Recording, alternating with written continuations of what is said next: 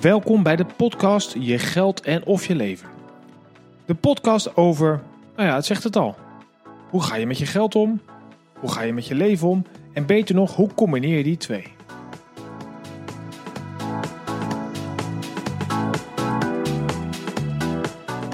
Vandaag heb ik een mooie uitzending met Mark Boskamp. Iemand die geld en of je leven heel goed weet te combineren. Hij heeft uh, sinds anderhalf jaar met zijn vrouw Corine een prachtig boutique hotel in het zuiden van Spanje, in Andalusië. En Mark weet dus als geen ander, vanuit zijn ervaring in de financiële wereld, hoe je geld en je leven bij elkaar brengt. En ik ben benieuwd hoe het hem bevalt, welke keuzes hij gemaakt heeft en waarom hij uiteindelijk die stap genomen heeft, helemaal naar het zuiden van Spanje.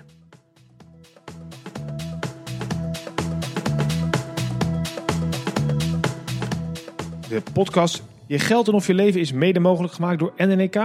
En voor meer informatie kijk je op nnk-kennis.nl als financieel adviseur of ga naar michielvanvugt.com, Vught met de V-U-G-T. Mark, wat leuk dat je vandaag in de gelegenheid bent om vanuit Spanje met mij te praten over jouw ja, ingegaande droom. Ik ken je al lang, ik heb tien jaar met je samengewerkt en ik vind het fantastisch dat je vandaag even bij mij in de podcast komt. Um, nou, vertel eens, hoe is het daar in Spanje? ja, lekker dan. Nou ja, uh, dag Mark. Goed je te spreken. en voor de luisteraars, ik uh, klikte net alles weg. Dus ik, uh, ik ga dezelfde vraag aan Mark stellen, die hij net fantastisch heeft beantwoord. En ik hoop dat hij nog een keer zo'n mooi antwoord kan geven als hij net eerder gaf. Voordat ik de opname verziekte. Um, maar goed, Mark, ik ken je natuurlijk al langer dan vandaag. Jij zit nu een jaar in Andalusië. Je bent met je prachtige vrouw Corina naartoe vertrokken om uiteindelijk je droom na te jagen. En kun je eens even kort vertellen, hoe kom je nou tot zo'n beslissing ineens om te zeggen, ja, we gaan er heel wat anders doen? Ja, ik denk dat ik niet uniek ben. Dat als ik zeg dat ik was 51, 50, 51. En je bent op een punt in je leven gekomen dat je denkt, ja, ik heb best wel een, wat ik wilde bereiken in de financiële wereld. Dat is het vak waar ik in zat. De afgelopen 25 jaar bijna. Uh, dat ik dacht van ja, het is misschien wel eens tijd om iets anders te gaan doen met, ik had met NK Vermogensbeheer, waar ik 16 prachtige jaren heb mogen hebben, had ik een team van mensen om me heen gecreëerd, inclusief jouzelf, die beter waren dan ik zelf. En dat is ook wat ik geroepen heb als je uh, een onderneming mag, mede mag bedrijven zorg dat je mensen om je heen creëert die beter zijn dan jezelf. Nou, dat, dat, team deed het zo ontzettend goed dat ik me begon af te vragen: wat is mijn rol nog in de komende, nou, wat zal het zijn, 15, 16 jaar dat ik, dat ik hier mag werken. Ja. Uh, bovendien had ik uh, net het stokje overgedragen van de stichting die ik eh, ben gestart, Stichting LEF, aan een nieuwe voorzitter. En uh, ook daar moet je niet over je graf heen willen regeren. Heb ik het uh, heel volledig los kunnen laten en ook kunnen terugkijken. En nog steeds met veel trots op een hele mooie stichting. Die aan de duizenden, tienduizenden jongeren in Nederland lesgeeft. Uh, de Finance Run is een run die we ook gestart zijn. En die ik bedacht heb om voor funding te zorgen voor die stichting. Was ook inmiddels volwassen. Dus ja, dan ben je 50, 51 en denk je, ja, en nu dan? Ik heb altijd geroepen, ook tegen financial planners. Het leven is geen repetitie. Zorg dat je dingen doet waar je volledig passie in hebt. En uh, ik kwam erachter dat ik iets anders moest gaan doen om mezelf uit te dagen. Om de komende, nou nog één heel mooie onderneming neer te zetten. Ja. En uh, zo ben ik tot de beslissing gekomen om dit te gaan doen. Maar ja, wat dan? Ja. Wat ga je dan doen? Nou ja, dat is natuurlijk niet zo makkelijk. Want je, bent, uh, je, zet, je hebt jarenlang ingezet, wat je zelf al zei, voor een betere financiële sector. Hè? Letterlijk je geld en of je leven bij elkaar brengen. Ja, ben jij bijna het gezicht van geweest. Uh, zeker met de op, oprichting van Stichting Lef, wat je al zei. Maar ook gewoon je altijd niet aflatende energie om op een andere manier financieel planners te inspireren om anders te denken. En dan uiteindelijk moet je zelf, ga je zelf zo'n keuze maken. Dat is des te knapper, denk ik, dat je dat uh, hebt gedaan. Maar het lijkt me ook ontzettend lastig, want je zit met jezelf, je moet een keuze maken en je zit met je vrouw. Hoe, of, uh, hoe is dat gegaan? Hoe, wat kunnen andere mensen leren van jullie proces? Nou, één ding wat andere mensen kunnen leren. Eén ding, sowieso. Uh, ik was erachter dat ik in de financiële wereld niets meer wilde doen. Ik vond dat ik daar alles gedaan had wat ik wilde doen. Um, en iets mooiers dan NNK Vermogensbeheer en Stichting LEF kon ik me niet meer verzinnen. Dus ik wist dat ik iets anders moest gaan doen. En dan ga je op zoek naar je, je grote passies en je kerncompetenties. En voor mij waren dat, was dat vrij helder. Ik heb daar uh, misschien een maand de tijd voor genomen. nu inmiddels bijna twee jaar geleden. En ehm, het was een combinatie van een aantal factoren. Uh, het internationaal ontmoeten van mensen vind ik ontzettend interessant. Ten tweede, uh, gastvrijheid, hè, het gastheer zijn. Daar beleef ik heel veel lol aan. Ik vind het prettig dat mensen daar hun zin hebben en uh, bijzondere dingen meemaken. En daarnaast, mijn derde grote passie is koken. Ik vond niets leuker dan te koken. Dat deed ik bij NK Vermogensbeheer ook al, zoals u weet, voor de, regelmatig voor grotere groepen. Die bij ons uh, op kantoor kwamen, waar we een keuken hadden en een restaurant hebben. Uh, dus koken, gastvrijheid, internationaal moeten. Dat zijn al drie hele belangrijke dingen van je weet. Daar gaat mijn hart sneller van kloppen. En dat vind ik mooi. En ja, dan kom je al heel snel terecht in wat we nu aan het doen zijn. En inmiddels voelt het al echt als mijn vak. Namelijk gewoon het zijn van hotelier. Uh, het zijn van gastheer in een, uh, in een luxury bed and breakfast in, uh, in Zuid-Spanje in dit geval. Ja. Want we wilden niet te, we, we, konden ook, we konden ook verder weg. De, the world is your oyster, je kan overal naartoe. Maar we zijn gek van Andalusië. Andalusië brengt heel veel natuur, cultuur. Uiteraard een fantastisch klimaat. Uh, een, een, omgeving waar ik zelf ook heel graag wilde leven. En bovendien dichtbij genoeg om binnen een paar uur toch bij je vrienden te zijn, bij je familie te zijn. Uh, uh, toch redelijk centraal in Europa.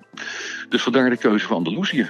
En we zijn op zoek gegaan het afgelopen jaar naar, naar een geschikt, uiteraard een geschikte onderneming om te kunnen overnemen. Een hotel of een bed and breakfast. Die echt moest voldoen aan een bepaalde standing. Nou, we hebben zo'n 23 objecten bekeken, heel veel reizen gemaakt. En dan gaat het ook steeds meer leven. Ja, precies. En uiteindelijk hebben we natuurlijk een, dat wat heel belangrijk is. Als je talenten combineert en ben je nog niet, dan moet je zorgen dat je een ontzettend goed businessplan hebt, een ondernemersplan hebt. Ja, want dat is denk ik ook nog iets. Hè? Iedereen kijkt met uh, verlekkerd naar ik vertrek, waar uh, het grootste deel van de deelnemers natuurlijk het bootje in gaat. Ja. Um, ja. Nou, ja. heb jij het geluk volgens mij dat je zeven talen vloeiend spreekt. Dus dat, dat Spaans ging je waarschijnlijk goed af. Maar um, het, het uh, heb je toch je, je, echt je ondernemersgeest uh, die je altijd hebt gehad, heb je echt wel nodig om dit tot een succes te brengen, denk ik. Uh, kun je wat, wat heb jij bijvoorbeeld gedaan om te zorgen dat je niet in die klassieke ik vertrek valkuilen stapt? Ja, dat is eigenlijk, eigenlijk ik, vertrek. er zijn vaak grapjes gemaakt van, van mensen over het oh, een ik vertrek verhaal. Ehm, ik vertrek is natuurlijk alleen maar mogelijk als het voor een televisiemaker interessant is. Ja. En wat, wat mij betreft, als je dit soort dingen wil gaan doen, moet je gewoon zorgen dat je A, inderdaad, wat je zegt, je moet de taal, je moet kunnen communiceren. Je moet goed kunnen communiceren lokaal. Maar je moet met name ook gewoon ontzettend goed je huiswerk doen. Je moet een goed businessplan hebben en mensen om je heen vinden die je goed kunnen adviseren. Een advocaat bijvoorbeeld is heel belangrijk als je een object koopt. Want er zijn heel veel dingen vaak mis met vergunningen. Dat zie je ook vaak bij ik vertrek. Uh, en niet onbelangrijk, je moet naast die businessplannen ook voldoende geld hebben. Met, met dit 30.000 euro reserve uh, een onderneming starten in het buitenland is, is een utopie. Dat gaat niet werken. Ja, maar daar heb jij trouwens ook nogal een bijzondere constructie voor bedacht. Want ja, je hebt natuurlijk naast te denken van ja, hoe ga ik dit vinden? Want je kan daar uh, inderdaad, het is een vrij uh, luxe, mooi object wat je hebt aangeschaft. Dat, dat, daar moest je ja. wel voor financieren. Maar jij hebt het op een andere mm -hmm. manier gedaan dan de meeste mensen denken. Het, uh, zeker bij ik vertrek gaat iedereen naar de bank en regelt een hypotheek. Ja. Jij dacht, ja. nee, dit kan ik beter doen. Uh, vertel eens. Ja, nou ja, kijk, het, het, het, allereerst, je moet wel wat zakgeld hebben, uiteraard. En het, zakgeld is, is een understatement. Je moet wel wat eigen vermogen hebben. Gelukkig had ik dat. Uh, maar ja, daarnaast, uh, als je echt iets wil, wil, ondernemen wat ook voldoende body heeft, moet je natuurlijk op zoek naar, naar externe bronnen. Nou, we hebben ervoor gekozen om, um, Corine en ik, om uh, crowdfunding te gebruiken. En het leuke van crowdfunding is ook meteen een tip voor die mensen die denken: ja, ik kan, ik kan dat niet betalen. Als je gewoon een goed plan hebt en je hebt een redelijk goed netwerk van contacten, dan is het een prachtige manier om dit te kunnen, kunnen, kunnen financieren. Ja. Want je creëert niet alleen uh, mensen die je financieel ondersteunen, maar je creëert ook mensen die je als ambassadeur ondersteunen. Dat hebben wij ook ervaren. Dus we hebben een plan gemaakt. Ik ben dat plan gewoon eens gaan aanhouden tegen een aantal relaties. En eigenlijk binnen anderhalve maand laat ik, niet overdrijven, binnen twee maanden hadden wij uh, de, de, de, financiering voor elkaar. Met een groep van, nou wat zal het zijn, een 13, 14 ambassadeurs die ons geholpen hebben via, via crowdfunding. En dat crowdfunding heb ik zelf opgezet. Ja. En dat heeft dus, een, uh, voor me, je hebt me wel eens verteld, naast een voordeel dat, um, dat je mensen hebt die jouw geld investeren in jouw project, heb je ook wel gezocht naar mensen die jou naast geld wat verder kunnen brengen, volgens mij, toch? Ja, natuurlijk. Het zijn allemaal mensen die ook. Die, ik, ik, heb, ik zeg altijd, en dat heb ik altijd gezegd tegen financial planners: als je klanten en relaties om je heen creëert, laat het dan mensen zijn die je leuk vindt. Want je moet ieder, ieder jaar, minstens één keer per jaar, terugzien. En het is natuurlijk niet, niet leuker dan dat het bijna vrienden zijn. Dus dat was al een eerste belangrijke. Mensen moesten voldoen aan. Klinkt heel raar, maar de financiers moesten voldoen, de ambassadeurs moesten voldoen aan uh, het, het, feit dat ze gewoon leuke mensen zijn. Ja, ja. Uh, en in de constructie die wij hebben bedacht voor die, voor die crowdfunders uh, en ambassadeurs, is dat zij ook ieder jaar een aantal nachten kunnen overnachten bij ons in onze hotel, in onze bed and breakfast. Ja, precies. En het leuke is, we zien ze dus ook ieder jaar terug. Het zijn mensen vanuit verschillende disciplines die ook graag helpen. Uh, maar bovendien ook heel van hun relatie sturen. Als ze zelf hun dagen niet kunnen opmaken uh, die ik met ze heb afgesproken, sturen ze ook vaak vrienden. En die vrienden zijn ze dusdanig enthousiast. Gelukkig hebben wij gemerkt dat ze ook weer hun vrienden sturen. Dus het heeft ook een aanzuigend effect van ja, een vaste, vaste uh, groep van gasten die, die regelmatig terugkeren. Ja, en je hebt tegelijkertijd dus, ik weet een aantal Um, voor mij een aantal mensen die bij jou meedoet, ambassadeurs zijn, zijn ook ondernemer. Dus je hebt ook daarmee tegelijk heel slim een, eigenlijk een soort van raad van advies gecreëerd voor mensen die intrinsiek gemotiveerd zijn om jou verder te helpen. Absoluut. Ik geloof, ik geloof dat je uh, niemand alles alleen kan. En uh, als je beter wil worden, zorg dan dat je mensen om je heen creëert die je ook echt kunnen helpen in verschillende gebieden. En dat doen ze ook. Ze komen hier, ze genieten, en denk ook heel graag mee over de uitdagingen waar ook uiteraard ik tegenaan loop. En waar Corine tegenaan loopt. Ja, precies. Ja. Nou, je luistert nog steeds naar de podcast Je Geld en Of Je Leven. Ik ben in gesprek met Mark Boskamp, die een jaar geleden een prachtig boutique hotel gestart is in Andalusië. En ik ga hem dus even een nieuwe vraag stellen over, um, nou Mark, hoe oud moet je eigenlijk zijn om zo'n stap te kunnen maken? Want jij was 51 en je gaf aan, ja, ik, uh, ik had wel mijn tijd misschien gehad in de financiële dienstverlening. Um, mm maar zit, moet er ook wel zo'n periode geweest zijn, denk je, om zo'n stap te kunnen maken? Uh, om wat wijsheid te hebben en wat levenservaring? Of, of kan je dit ook wel doen als je twintig bent?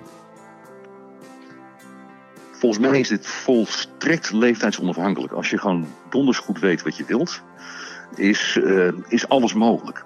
Ik heb in mijn leven eerder, toen ik een jaar of dertig was, ook de behoefte gehad om uh, een, een, een duikschool, klein resort te starten in Thailand. En ik kwam er toen achter, in Zuid-Thailand, ik kwam er toen achter dat dat toen te vroeg in mijn leven was. En dat ik nog te veel ambities had in de financiële wereld. En dat ik ook iets meer body wilde creëren. En, en wilde leren als ondernemer, voordat ik zoiets zou gaan doen. Maar ik, dat is heel moeilijk te beantwoorden, Michiel. Want ik denk dat het gewoon te maken heeft met de fase in je leven waar je in zit. Ja. Uh, wat ook meespeelt is dat mijn zoon uh, inmiddels mijn cadeauzoon, inmiddels uh, uh, volwassen was en zelfs zijn vleugels uitvloeg internationaal. Dus ik wat minder, nog wat minder gebonden was aan Nederland. Ja, precies. Ja. Maar ik geloof, ik geloof dat je altijd in je leven, als je niet blij bent met hetgene wat je aan het doen bent, het leven is geen repetitie. Dat je moet op zoek moet gaan naar wat zijn je kerncompetenties en wat kan ik daar anders mee. En, en je, je, moet echt kunnen werken in je passie. Want even los van het geld, als je, als je het leven kan leven wat je wil leiden, en je je passie volgt, dan komt het geld vanzelf. Ja, dat, dat horen we natuurlijk heel vaak. Nou, jij bent dan het, eh, in dit geval een levend bewijs dat het inderdaad zo kan werken. Um, als je nou naar, uh, als ik probeer ook mensen in deze podcast ook altijd te laten nadenken over de, de, financiële toekomst die ze hebben. Of eigenlijk meer belangrijk, hun toekomst en hoe die financiën daarbij een rol kunnen spelen. Voor mensen die nog wat jonger zijn, uh, heb je daar uh, vanuit jouw ervaring misschien bij Stichting Lef bijvoorbeeld, hoe zou je nou eens na, mensen kunnen helpen om na te denken over die toekomst? Hm. Nou, heel belangrijk is dat je allereerst niet stinkend rijk hoeft te zijn om je dromen na te leven. Ik, ik denk altijd dat je je dromen kan naleven als je een goed plan hebt. En dat plan, dat klinkt wat plastisch en wat, en wat, nou, wat, wat plastisch dat zou je enorm helpen om ook kansen te ontdekken die je onderweg tegenkomt. Want die kansen ontstaan altijd. Dus ik geloof dat je in iedere fase in je leven in staat moet kunnen zijn om uh, uh, de sleur van de dag, als je dat zo voelt, uh, te doorbreken en op zoek te gaan naar iets nieuws. En met name als je ook goede mensen om je heen weet te vinden, het regelmatig over hebt, ontstaan altijd kansen.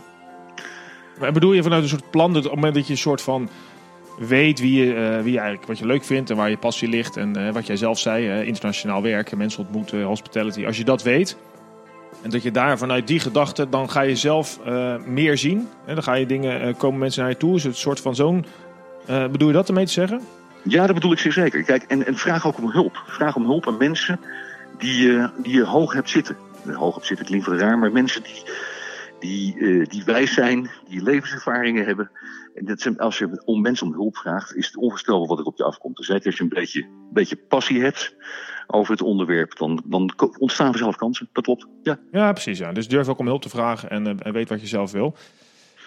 Uh, vanuit ehm, uh, ik weet dat jij heel erg begaan bent met, uh, met de jeugd. Daarom wil ik toch nog even terugkomen op Stichting LEF. Um, ja. uh, er zijn mensen die ja, luisteren die dat niet zullen kennen. En het, het blijft een heel belangrijk onderdeel. zeker de, de, de, financiële problemen in Nederland zijn nog steeds groot bij heel veel mensen. En ook bij de jeugd. Um, ja. Kun je eens kort even schetsen waarom mensen zich um, nou, misschien naar de finance moeten komen als ze een financieel dienstverlener zijn? Of wat Stichting LEF doet voor de, voor de Nederlandse scholieren?